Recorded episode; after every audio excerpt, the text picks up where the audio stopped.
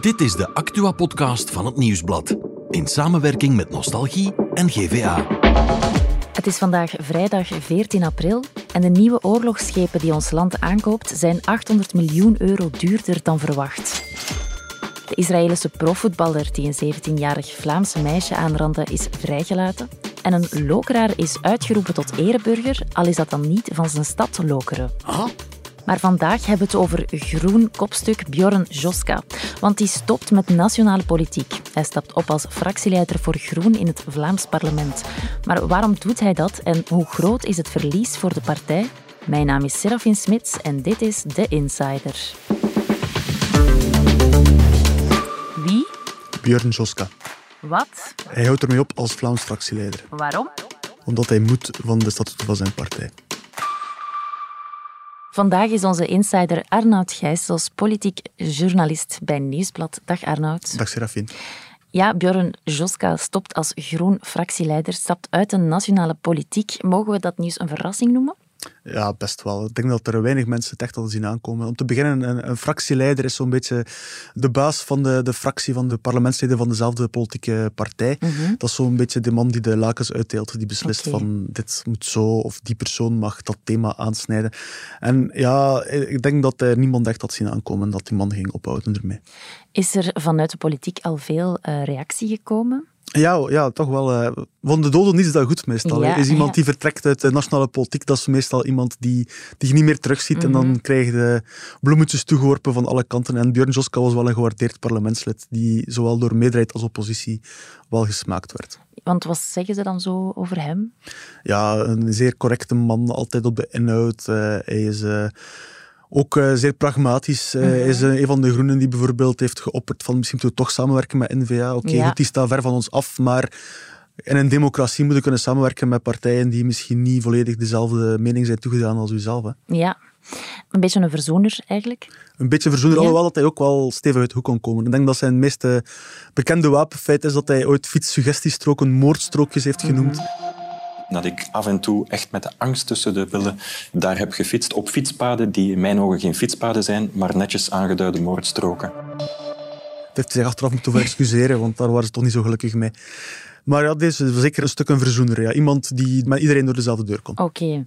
Ehm, maar toch is hij nooit echt een bekende eh, naam geweest bij het grote publiek, hoewel hij wel een, een kopstuk is van de partij.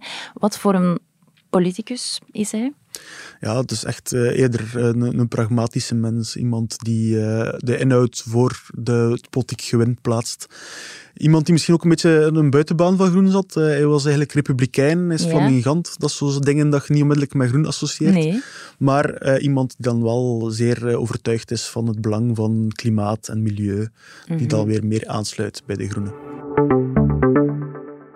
Waarom stopt hij eigenlijk? Ehm, heeft dat er iets mee te maken dat Jong Groen een tweetal weken geleden nogal scherp was voor de partij? Want er zaten te veel oude witte mannen in zitten die heel wat dingen fout inschatten. Hij zal het misschien niet graag horen, maar ik denk dat je Björn ondertussen wel zeker als een oude witte man kunt bestempelen. Eh, ik denk niet dat er iets onmiddellijk mee te maken heeft. Het gaat er eerder over van, hij wil zich focussen op zijn eh, thuisbasis, op Lokeren. En volgens de statuten van de partij moet je kiezen. Je kunt niet en Vlaams parlementslid zijn en eh, burgemeester of schepen in je thuisbasis.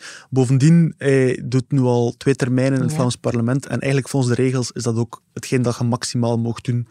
Alhoewel dat je altijd een uitzondering kunt aanvragen natuurlijk. Ja, maximaal twee termijnen. Ehm, hoe zit dat eigenlijk bij andere partijen? Zijn er ook zo van die regels? De meeste andere partijen houden zich daar niet mee bezig. Nee. Er is een, eh, een decumulregeling geweest bij de socialisten. Die is ingevoerd door de vorige voorzitter eh, John Crombé. Maar dat was vooral een manier om eh, mensen die er al heel lang in het parlement zaten buiten te krijgen. Om nieuw bloed, nieuw elan te geven. Ondertussen zijn de socialisten er al van het afstappen. Er circuleren geruchten genoeg dat bijvoorbeeld de burgemeester van Leuven, Ja. Mori Douani, de lijst zal trekken in 24.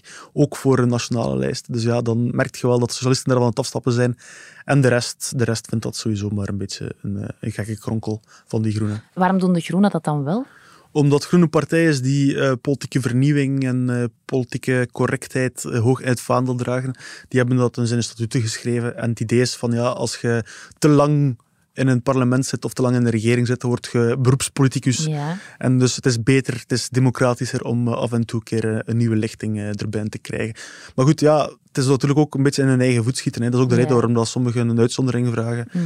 Als je telkens iemand die enige naambekendheid heeft gecreëerd, uh, bij wijze van spreken, onmiddellijk aan de deur zet, dan zult je niet veel verkiezingen winnen, vrees ik. Wie zijn zo die andere namen die daar dan al langer zitten dan eigenlijk mag?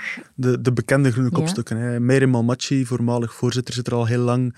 Wouter de Vriend, fractieleider in het federaal parlement. Christophe Calvo bijvoorbeeld, ook al zijn, uh, zijn wettelijke termijn tussen aanhalingstekens overschreden. Maar ja, goed, ergens merk je wel van dat zij al de, mensen dat je kent, kunt die ook als politieke partij niet zomaar bij het groot huis wil zetten. Hè.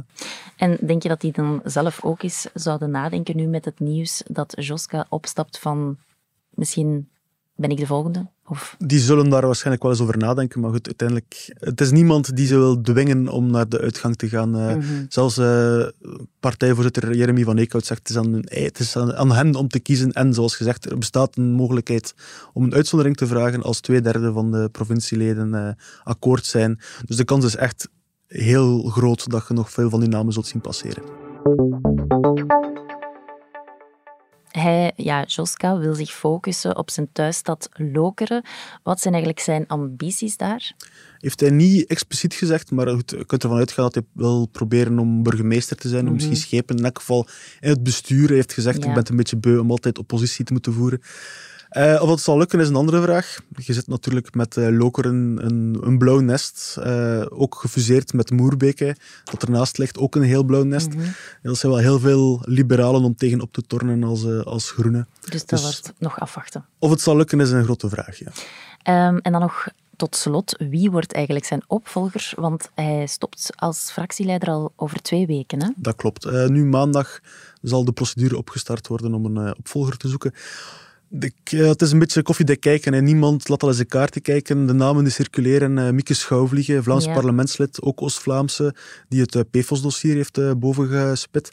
Nu, ja, aan de andere kant kunnen zeggen, Oost-Vlaanderen is al goed bedeeld. Die hebben een federale minister, dus misschien iemand anders. Iemand Anouri uit Antwerpen heeft al eens geprobeerd. Meire Momatje loopt daar nog altijd rond. Misschien mm. dat die plotseling denkt van fractieleider, waarom niet? En tot slot uh, Elisabeth Meuleman, die is ook Oost-Vlaamse, maar die heeft geprobeerd om uh, voorzitter te worden de vorige keer. Is niet gelukt. Misschien dat fractieleiderschap een mooie troostprijs kan zijn. Oké, dankjewel voor je uitleg, Arnoud. Graag gedaan, Serafin. En dan gaan we nog over naar het andere nieuws van vandaag. En daarvoor gaan we naar onze producer Joni. Dag Joni. Dag Serafine. Ja, de oorlogsschepen die ons land aankocht, die zijn 800 miljoen euro duurder dan verwacht. Dat is wel heel veel geld. Wat is daar aan de hand? De Franstalige oppositiepartij Les Engagés die trok aan de alarmbel omdat de prijs zoveel hoger is. En de partij vraagt zich af of er geen goedkopere opties waren. En hoe komt dat dan dat die prijs zoveel hoger is geworden? Minister van Defensie Ludivine de Donner van PS die zegt dat ze ervoor koos om de Belgische schepen te laten uitrusten met bewapening en sensoren die identiek zijn aan de Nederlandse oorlogsschepen. En die kosten waren blijkbaar niet voorzien in de oorspronkelijke budgettering in 2018. En daarbovenop komt nog dat de inflatie de materiaalkosten doet oplopen. Mhm. En dan moeten we het ook nog even hebben over de Israëlische keeper Boris Kleiman, want die is vrijgelaten. Maar uh, kan je eerst even vertellen waar dat nu precies over gaat? Ja, de keeper zou een 17-jarig meisje uit Vlaanderen aangerand hebben hmm. in een club in Athene. Het meisje was daar op eindejaarsreis en toen ze maandagavond uitging in een club, uh, heeft die voetballer haar lastiggevallen, ook nadat ze aangaf dat ze dit niet wou. En wat is er daarna gebeurd? Diezelfde avond is de voetballer opgepakt, ook omdat hij drugs op zak hmm. had. Maar donderdagochtend is hij al vrijgelaten nadat hij een borgsom van 20.000 euro heeft betaald hij ontkent zelf alle feiten en legt zelfs de schuld bij het meisje. De zaak tussen de twee loopt nog en de DNA-resultaten van die avond zijn ten vroegste binnen twee weken beschikbaar.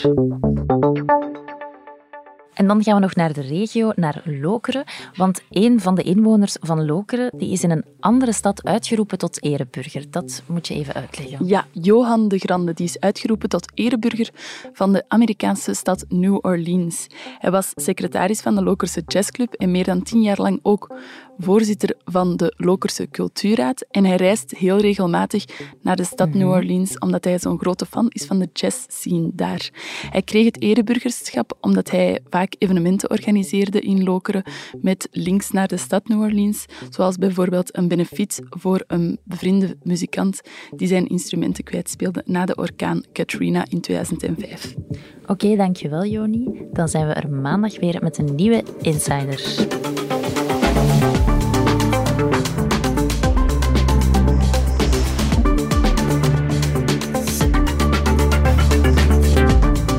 Dit was The Insider, een podcast van het Nieuwsblad in samenwerking met Nostalgie en GVA. De muziek is van Pieter Santens. De montage gebeurde door House of Media. Wil je reageren? Mail naar podcast.nieuwsblad.be.